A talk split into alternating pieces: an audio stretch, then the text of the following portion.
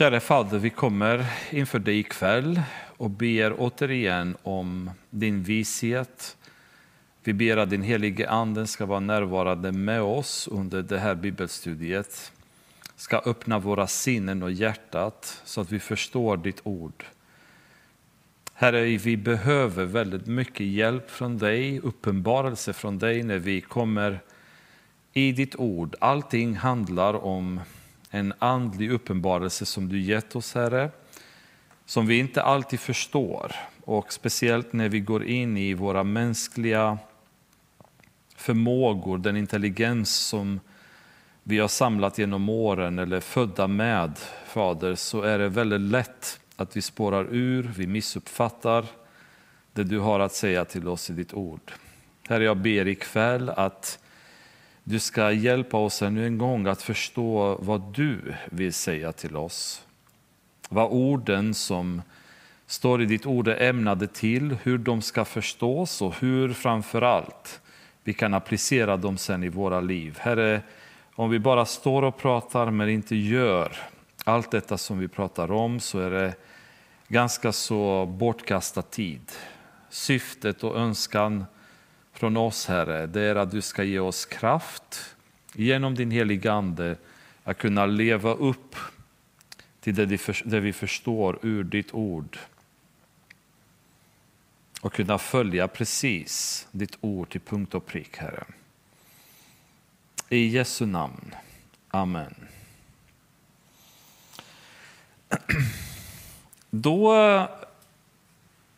är jag väldigt glad att um, från och med ikväll påbörja en ny serie bibelstudier som eh, har som syfte att liksom de andra bibelstudierna vi har gjort i Daniel, Efesierbrevet, Jeremia och Klagovisorna, att vi ska gå igenom Apostlagärningarna vers för vers genom hela boken och med Guds hjälp kunna förstå det han vill säga oss genom den här boken. Eh, min önskan från er och alla som lyssnar överlag det är att ni inte tar mina ord som riktiga och sanna utan att ni undersöker, ni gräver vidare i Bibeln och söker upp för att se huruvida det jag sa stämmer. Och eh, ser ni att någonting av det jag sa inte stämmer så får ni kasta undan det och fokusera på det som ni förstår att Gud vill att ni ska förstå ur hans ord.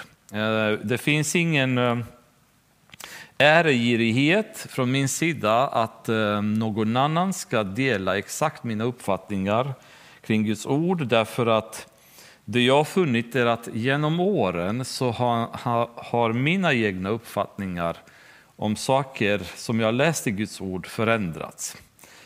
Och därav så, så vill jag alltid uppmuntra er att vara precis som de kristna i Berea, att ni eh, lyssnar och sen går vidare själva och i gemenskap med Gud, i bön, dyker in i Guds ord och letar vidare på svaren och Gud kommer vara trofast i att ge er det svaret när ni söker med ett ärligt hjärta och ärligt uppsåt. Anledningen till att jag säger detta ännu en gång, det jag har sagt förut, är att när vi kommer in i Apostlagärningarna så är den här boken en eh, rent rent utsagt en magnifik bok för oss som kristna idag.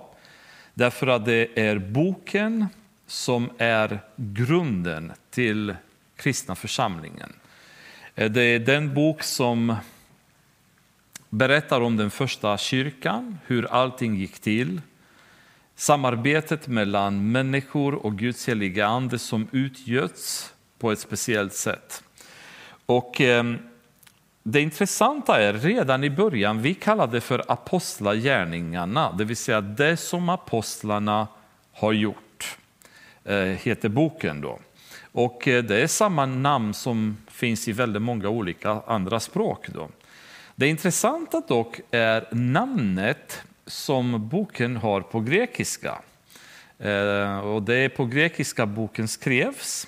Och på grekiska så heter boken Praxis apostolon. Och praxis är ett ord som vi fortfarande använder idag. Men när vi pratar om praxis idag så pratar vi kanske inte så mycket om vad vi gör utan mer vilka metoder använder vi oss av för att göra det vi gör. Och tänker vi så, så kommer ni förstå att apostlagärningarna får lite grann av en annan mening redan från början. Därför att vi kommer inte bara titta på vad apostlarna har gjort utan vilka metoder har apostlarna använt sig utav i att göra det de har gjort. Och då förstår vi vad egentligen boken vill säga till oss. Det blir som en manual för oss kristna idag att veta hur ska vi organisera oss som församling? Hur ska vi agera som församling? Vad ska vi prioritera som församling? Eh, för er som ni kommer hänga med i den här resan så kan man säga att det är en fascinerande resa att gå genom apostlagärningarna och ta del av det som Gud kommer tala om för oss genom den här boken. Det är min starka förhoppning att för oss som församling som befinner oss i ett läge där vi söker Guds vishet kring väldigt många beslut som vi behöver ta framöver. Att resan genom apostlagärningarna kan vara till inspiration för oss, ehm, till uppmaning att börja använda oss av rätt praxis i det vi gör. Ehm, apostlagärningarna är kan man säga, lite grann indelad. Vi kommer kanske gå igenom en introduktion. Ni kommer ihåg, ni som har varit med tidigare, att oftast innan vi går in i en bibelbok så tar vi en stund och bara um, bekantar oss med boken så vi förstår sammanhanget, eh, vi förstår tiden boken har skrivits och händelserna har eh, eh, tagit plats. Då. Och det, det är tanken att vi ska göra idag, därför att vi får en mycket bättre grund som vi kan stå på sen när vi går in i boken. Och tiden vi befinner oss i nu, det är ju tiden efter att Jesus hade verkat på jorden Eh, och nu hade han uppryckts till himlen. Och det är ju tiden efter Jesu uppryckning helt enkelt. Eh, och i den här perioden så är det en viss eh, känsla av nedstämdhet men också kanske lite lätt förvirring som råder bland lärjungarna som har varit vana att ha Jesus med sig. Han är borta och de har ingen riktig vägledare, ingen riktig mästare som ska vara med dem varje dag och styra dem åt vilket håll de ska gå. Så de befinner sig i ett slags vakuum där de ifrågasätter förmodligen lite grann vilka uppgifter eh, de ska ta sig an. Eh, vad är tanken? Eh, hur går vi vidare nu efter att Jesus har ehm, tagits upp till himlen?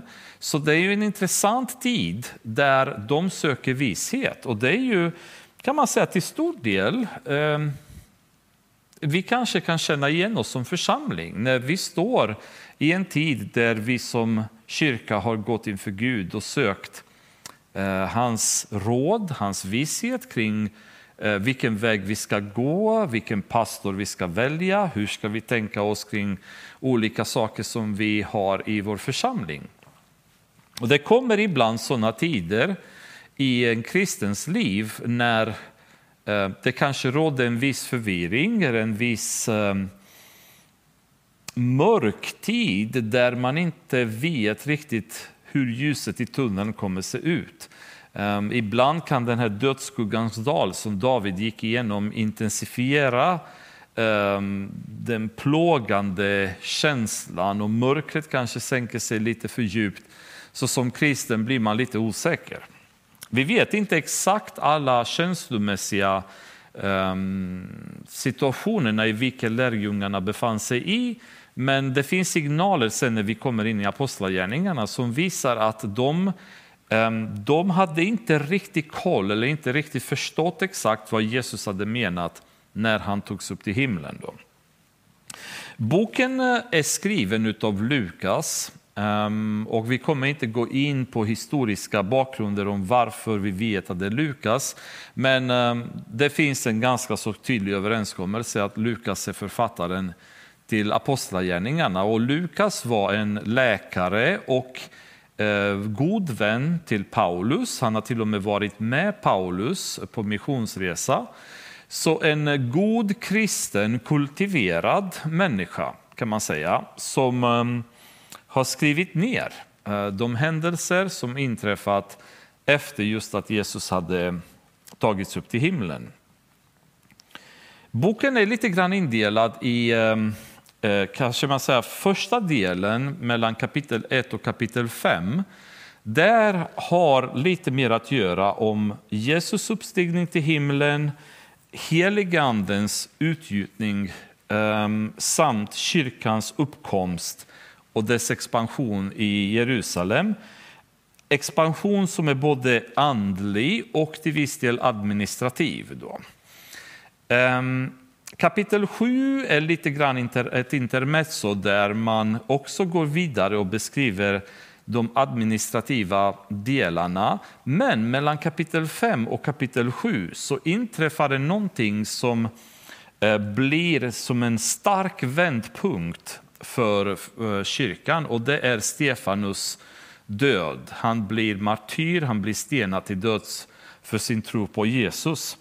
Och den, den händelsen ställer de kristna nu inför ett tydligt bevis om att de varningar som Jesus hade gett dem och att världen kommer hata dem och att världen kommer förfölja dem, det här är på riktigt. Ehm, därför att väldigt tidigt redan har Stefanus fått um, sätta sitt liv helt enkelt um, på grund av sin tro på Jesus. Kapitel 8 så inleds ehm, nästa del då där det är kyrkans ehm, vidare uppfyllning av Jesu befallning när de flyttar positionerna från Jerusalem vidare in till Samaria där Filip, som är en av diakonerna, ehm, går över till Samaria och startar en stor väckelse där nere. Så nu börjar de eh, gå vidare i den missionsbefallning som de har fått, att de ska börja i Jerusalem, Judeen, i Samarien och sen eh, till, eh, till allt, allt annat folk då ska de predika evangeliet.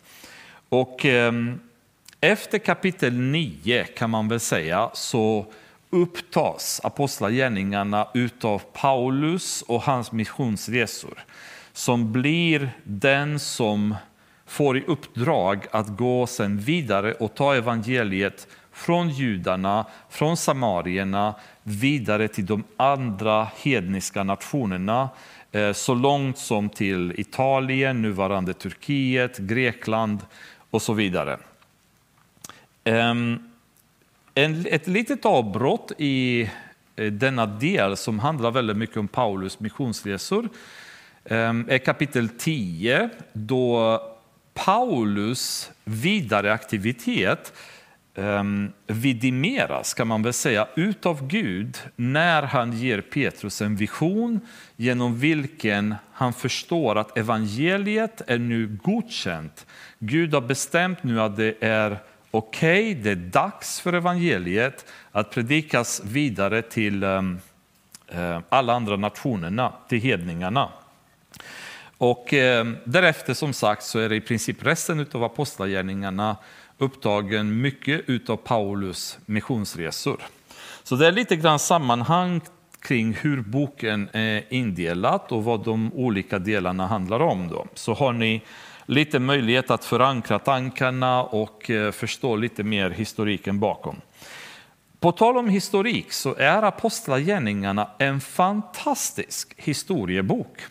Eh, tyvärr så används boken inte i skolorna av den enkla anledningen att den, den en del av Bibeln. Hade det inte varit en del av Bibeln hade det garanterat varit en bok som man hade gjort mycket referenser till. Därför att ehm, eftersom boken är skriven av Lukas som är en kultiverad människa så är han väldigt angelägen och väldigt noggrann med att specificera historiska händelser, namn, platser, traditioner, vanor och så vidare. Det är en sån punkt så de har en enorm historisk, eh, ett, ett enormt historiskt värde. Faktum är att Paulus resa till Rom eh, med båt räknas idag, intressant nog, som en av antikitetens bästa beskrivningar om hur navigationen gick till på den tiden. Så pass stor ackuratess använder sig Lukas av när det gäller historiska detaljerna, namn på olika Eh, Eh, landshövdingar, kungar, konsul och så vidare som anges med namn. Man vet vilka deras fruar var, vilka deras tjänare var, exakt var de befann sig och så vidare. Mycket fascinerande historisk bakgrund till Apostlagärningarna som också eh, är en anledning till att boken kan eh, tros på. Alltså det finns en ackuratess i beskrivningarna. Det är inga drömmar, det är inte påhittade historier eller sagor, utan det är en människa med hög intelligens som under helige andens inspiration skriver denna bok, då, som är väldigt väl bevisat nu historiskt. Eh, också Lukas sätt att, att skriva, både i hans evangelium och i Apostlagärningarna så är han en av dem som betonar väldigt mycket genom eh, skildring av olika berättelser det faktum att kristendomen var inte en rörelse som hade som syfte av att avsätta regeringar eller eh, ledare eller kungar eller prinsar, furstar i olika områden. Eh, den hade inte en politisk agenda heller. Eh, och han åtskilliga gånger beskriver hur, trots att kristna anklagades för att bedriva olaglig verksamhet i olika former, varenda gång så friades de därför att det visade sig att så var inte fallet. Redan i Lukas evangeliet påpekar han tre gånger i kapitel 23, i vers både 4, 14 och 22 Tre gånger påpekar han att Pilatus betraktade Jesus som oskyldig. Så ur en, ur en laglig form, utifrån den lag som rådde då, så var Jesus oskyldig. Det vill säga, han korsfästes eh, trots att han var oskyldig. Eh, går vi in i Apostlagärningarna i kapitel 16, när Paulus och Silas fängslas med motivering att de hade förgripit sig på privat egendom och dessutom att de förkunnade seder som var otillåtna friades de av domarna. Nästa steg i kapitel 17, efter att Jason, som var en av dem som trodde på Paulus eh, predikan och Silas predikan, han fängslades eh, som en konsekvens av denna predika, för den, den, den betraktades som upprorisk, men friades sedan mot borgen. I eh, kapitel 18 blir det en stark vändning dessutom när Galio, som var landshövding av Akaja, vägrade ens ta upp Paulus fall ehm, därför att han ansåg att Paulus predikan hade ingenting att göra med romersk lag utan det var käbbel mellan judarna och därmed så behövde inte romarna befatta sig med ärendet för det hade inte med saken att göra. Paulus betraktades som helt oskyldig i sammanhanget. Vidare i kapitel 19 så frias några av Paulus följare som anklagas för att ha hånat gudinnan Artemis i Efesus ehm, av stadens sekreterare och han ansåg dem också vara oskyldiga. Eh, kapitel 22, när Paulus var väg, på väg att bli piskad, eh, så hindras detta av befälhavaren eh, då denne får reda på att Paulus var en romersk medborgare och en romersk medborgare fick man inte piska utan bevis. Och då frias han. Eh, och, och, sen sist kan man säga i kapitel 26, när Paulus står inför Agrippa och Festus, så betraktas han också som oskyldig. Eh, men eftersom Paulus hade begärt att hans fall skulle hanteras av kejsaren, då kunde inte Agrippa och Festus fria honom, men de konstaterar när de diskuterar med varandra att hade han inte bett att han fått ta upp ärendet med kejsaren, då hade vi kunnat fria honom. Så i alla dessa fall genom apostlagärningarna så visar Lukas konsekvent att kristna församlingen, kristna människor som trodde på Gud och följde honom, på inget sätt var ett hot mot etablissemanget, mot lagen, mot kejsaren, mot makten. Dessa människor var inte intresserade av, av att avsätta, återigen, några regeringar. De var inte intresserade av att starta politiska rörelser. De hade en enda tanke, ett enda uppdrag och det var att predika evangeliet om Jesus Kristus som är Guds kraft som frälser var och en som tror. Det var det enda som församlingen handlade om. Och det är ju det enda som församlingen ska handla om idag. Det är på tok för ofta då kyrkor blandar sig i politiska diskussioner, käbbel mellan politiska partier. Eh, man lägger sig i för mycket ehm, samhällsproblematik istället för att hålla klart vad är vårt syfte? Vad vill Gud med oss som kyrka? Han vill att vi ska predika evangeliet som är Guds kraft för var och en som tror. Den kan vara en landshövding, det kan vara en eh, obetydelsefull människa, det kan vara vem som helst i samhället. Men evangeliet måste fram till alla människor, de måste höra Guds ord. Eh, detta och inget annat eh, var det som som var kyrkans mål och motivet för dess existens. Ingenting annat. Bara att predika evangeliet. Eh, och Det är ju jättebra att Lukas får fram de här detaljerna för det visar tydligt vilka prioriteringar de här människorna hade, vilket praxis de hade, hur Paulus arbetade. Han var, de var inte intresserade av politik, de var inte intresserade av business, eh, att starta affärsverksamhet inom kyrkan. De var inte intresserade av att promota humanistiska idéer. De var inte intresserade av att vara politiskt korrekta heller, utan de hade bara en enda längtan, ett enda syfte och det är att okompromissat predika evangeliet under heliga andens ledning och med helige andens kraft. Det är underbart att se detta. Det är underbart att förstå hur de här människorna hade prioriterat eh, sina liv, vad de hade för syfte i sina liv och hur de tänkte gå vidare. Eh, apostlagärningarna skulle man också kunna beskriva som den helige andens tid. Det var en period då plötsligt allting som gjordes, gjordes under heliga andens ledning. Heliga anden styrde vilka steg de skulle ta. Heliga anden ledde dem på de resor de behövde komma till. Heliga anden ledde dem till rätt personer. Heliganden ledde dem till att ta rätt beslut. Heliganden la rätt ord i deras mun när de befann sig eh, ansikte mot ansikte med förföljarna.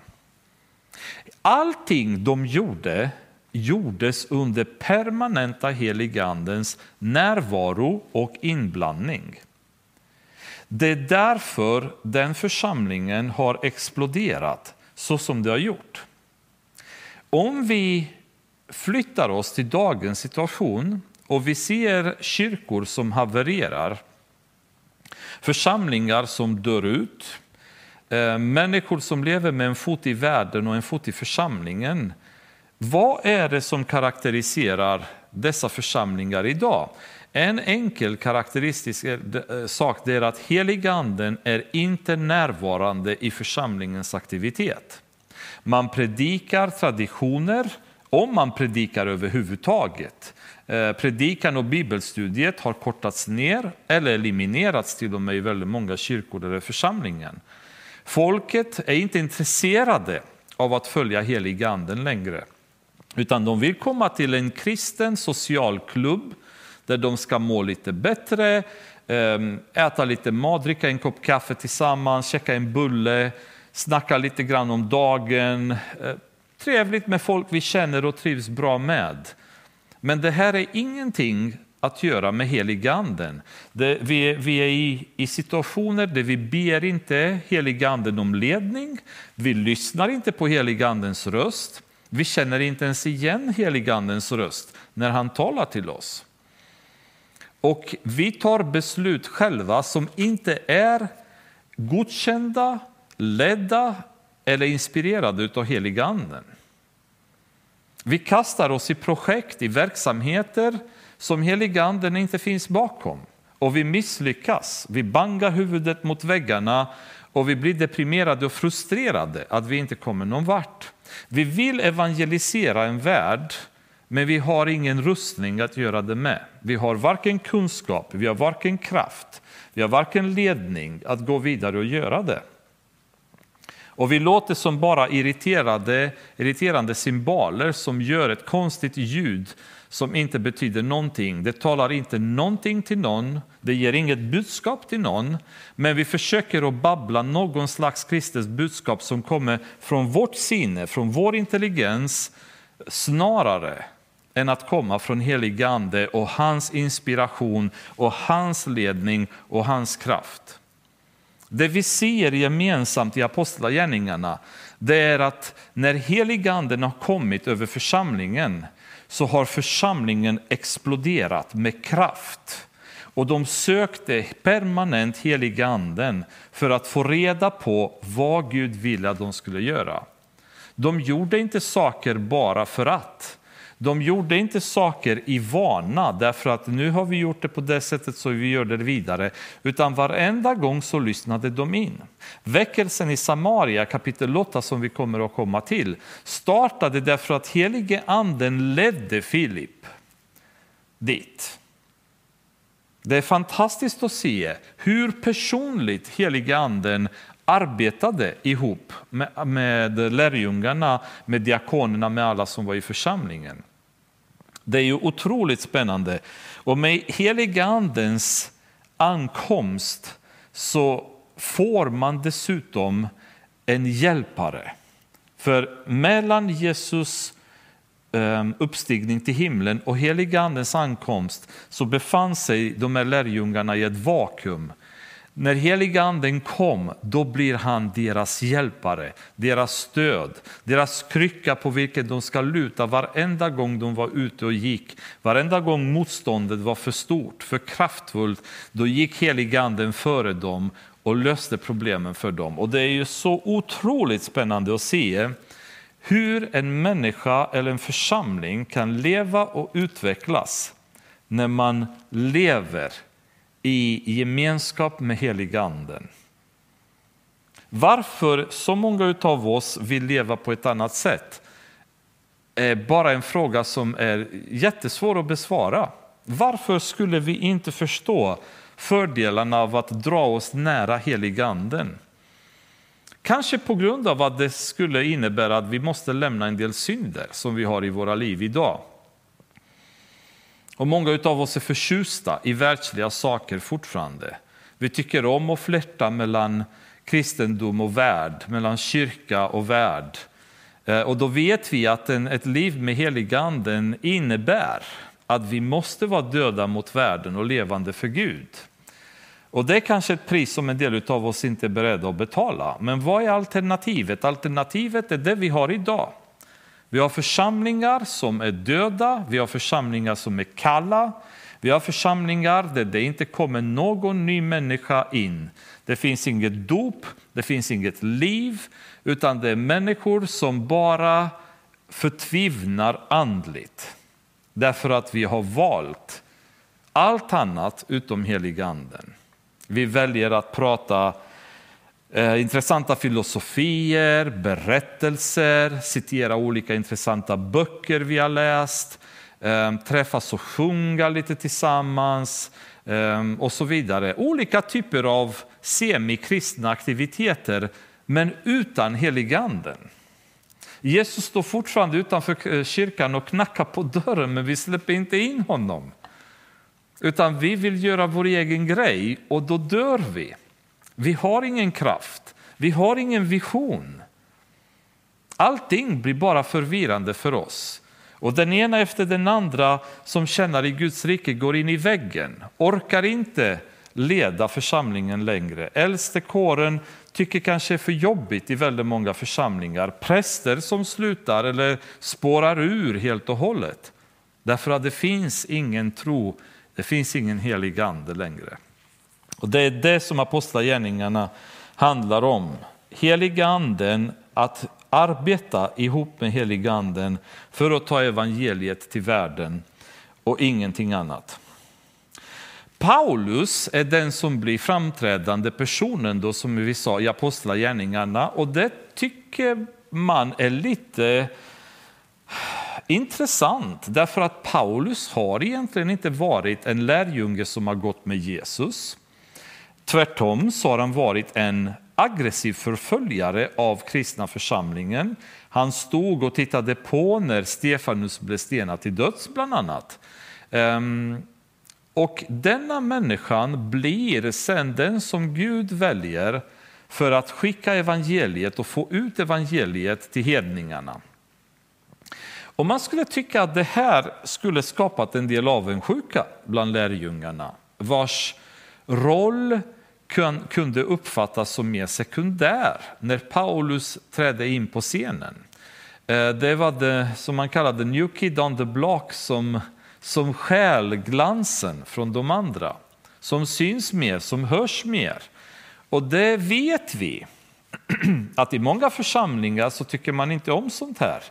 Man gillar inte när en människa som är driven av Guds ande kommer in och börjar riva i saker, därför att då förstör man status quo. Och det skulle man tycka att det här kunde varit en reaktion hos lärjungarna, men nej, det blev inte så. Därför att de här lärjungarna nu som befinner sig i apostlagärningarna, det var inte samma personer i sin tillväxt, i sin tro, i sin, sin kännedom av Gud som var i Lukas evangeliet i kapitel 9 när de käbblade med varandra kring vem som ska vara störst bland dem. Ni kommer ihåg berättelsen när Jesus fick nästan säga lite på skarpen till dem Eh, så de förstår vad ödmjukheten innebar. Men det var ju, de var ju sådana. De var ju ärgiriga, de var ju impulsiva människor. De var precis som vi alla andra. Ingen skillnad från hur jag är eller som ni är eller någon annan av oss är. Men sen Lukas kapitel 9 så har dessa människor gått igenom otroliga tider när de har sett Jesus dö på korset men också varit med och sett Jesus när han upp, eh, uppstod på nytt och fick umgås med honom därefter och fick se Herren gå upp till himlen, fick förstå att han kommer att komma tillbaka en gång. Och nu under den här tiden så hade de dessutom blivit fyllda med heliga anden vid pingstdagen.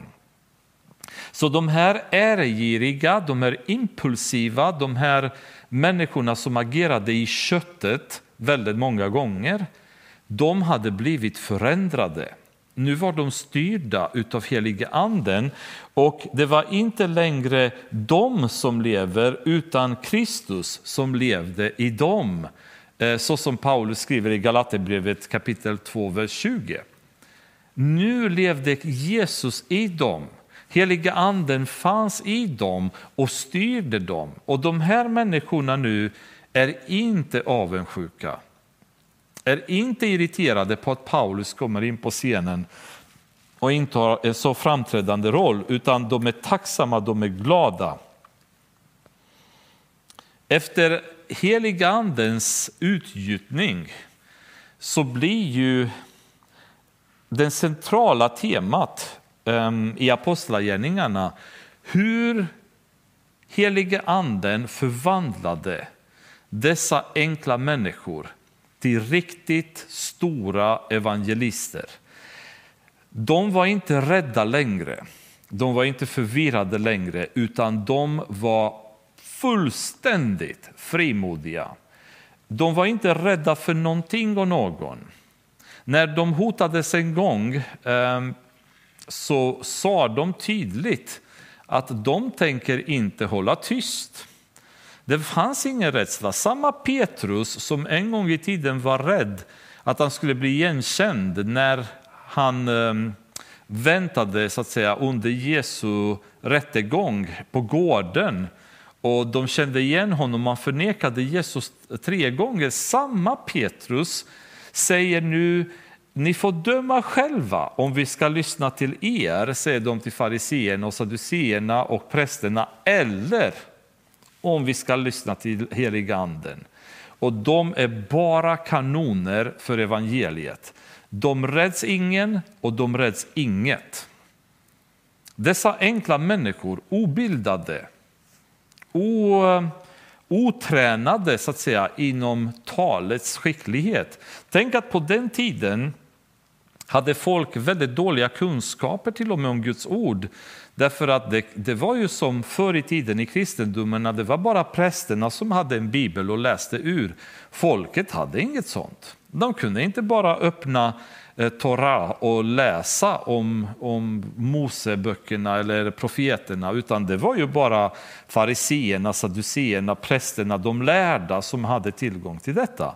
Så kommer de med fiskare och tullindrivare Ehm, um, nobodies och losers i samhället som bara vänder upp och ner på allt och med en kraft och en auktoritet och ett tal som gör människorna fullständigt chockade. De fattar inte vad det är som händer.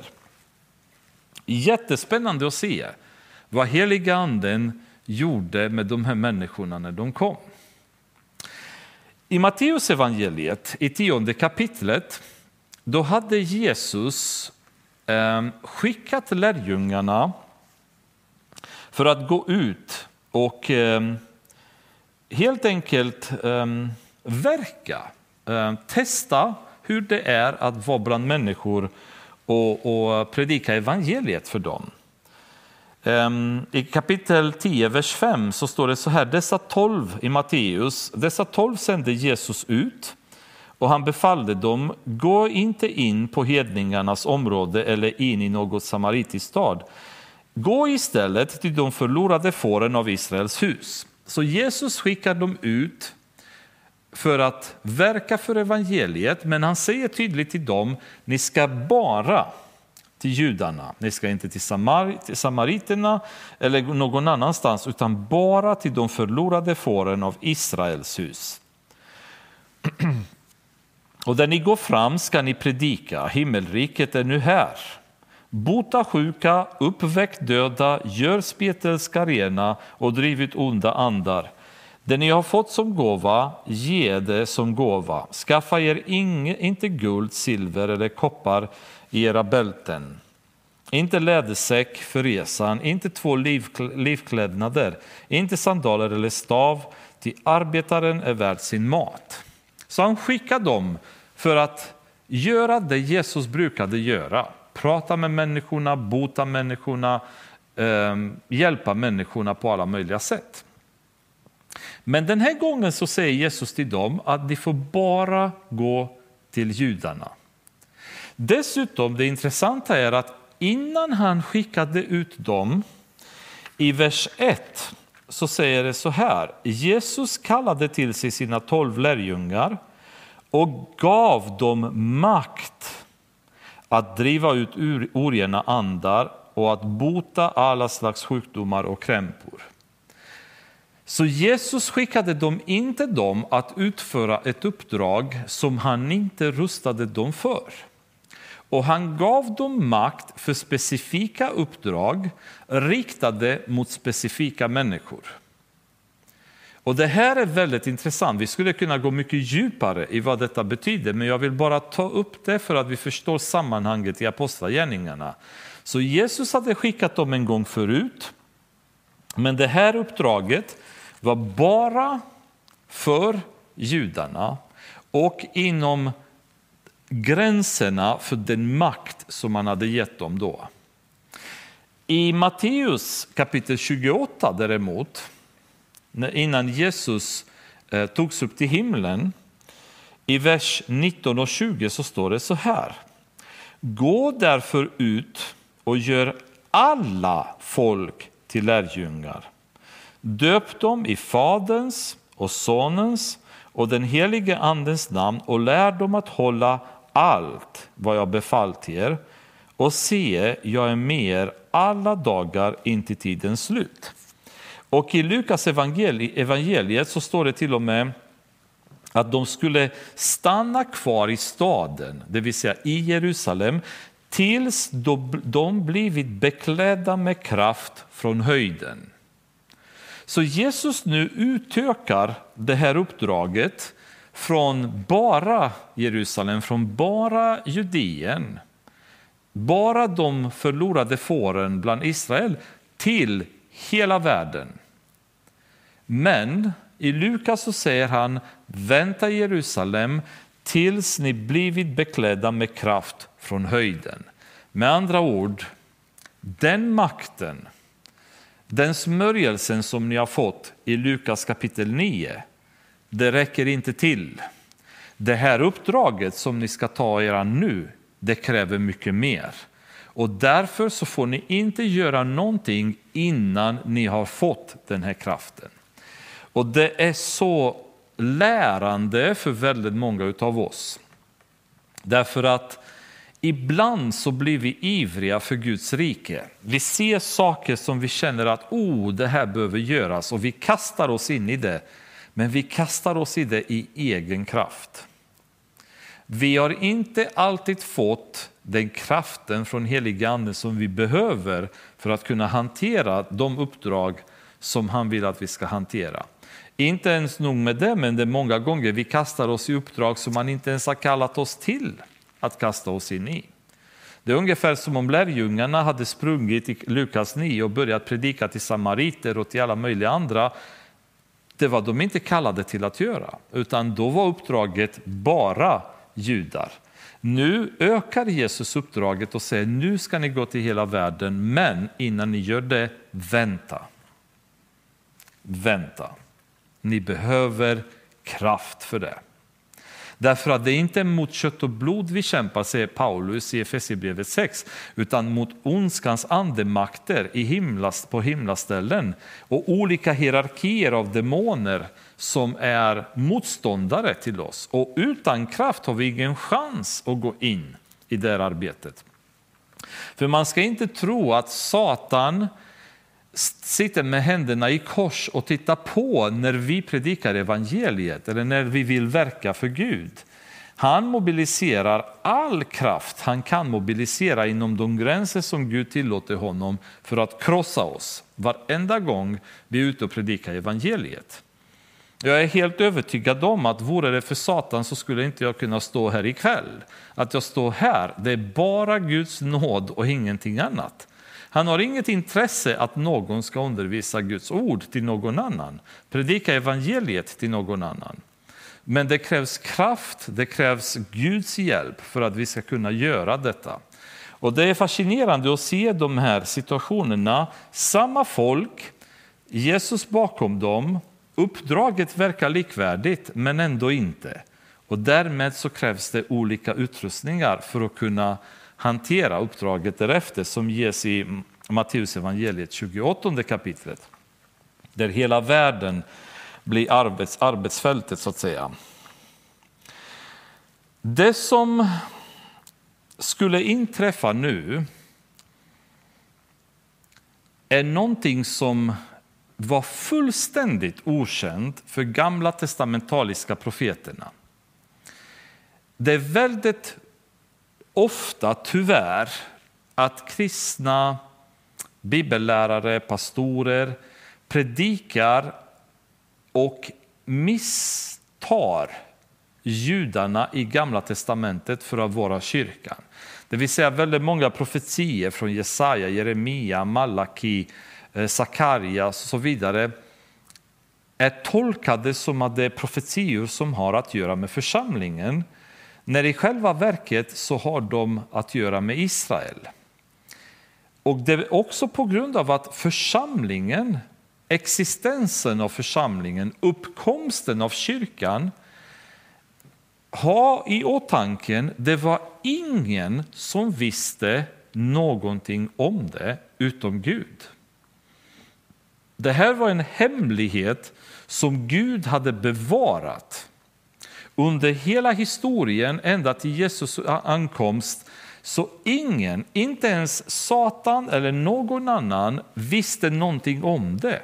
Utan det, en, det var en väl bevarad hemlighet.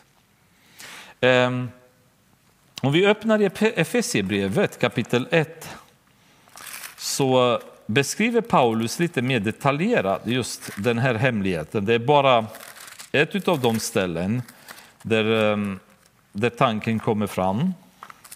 Kapitel 1 så kan vi läsa från vers 7. I honom är vi friköpta genom hans blod och har förlåtelse för våra synder på grund av den rika nåd som han har låtit flöda över oss med all visshet och insikt.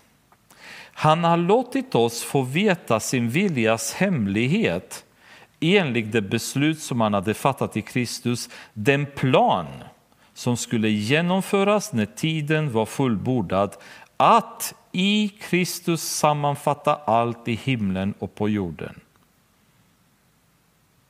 I honom har vi också fått vårt arv, förutbestämda till det av honom som utför allt efter sin vilja och sitt beslut. Det var en hemlighet som Gud hade väl bevarat från alla. Och den hemligheten var just uppkomsten av församlingen.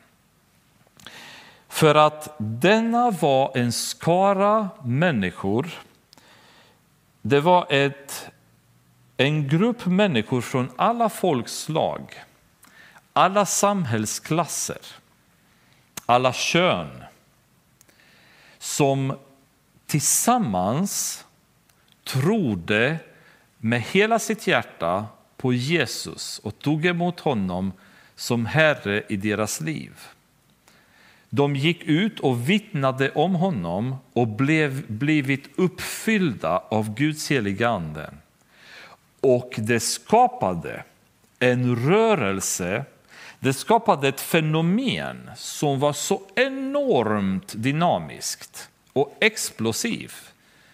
Så inte ens helvetets portar, säger Jesus till, när han pratar med Petrus, kommer kunna eh, stoppa det, eller kunna, kunna, skulle kunna ha makt över den. Hela Satans värld, hela hans plan fullständigt blir chockattackerad av den skara människor som under helige andens kraft börjar inta mark på jorden. Och den här skara människor, det är vad det heter den kristna församlingen idag. Den kristna kyrkan. Som har startat med heligandens kraft, med heligandens ledning och fortsatt genom historien. Att vara ledd av heliganden.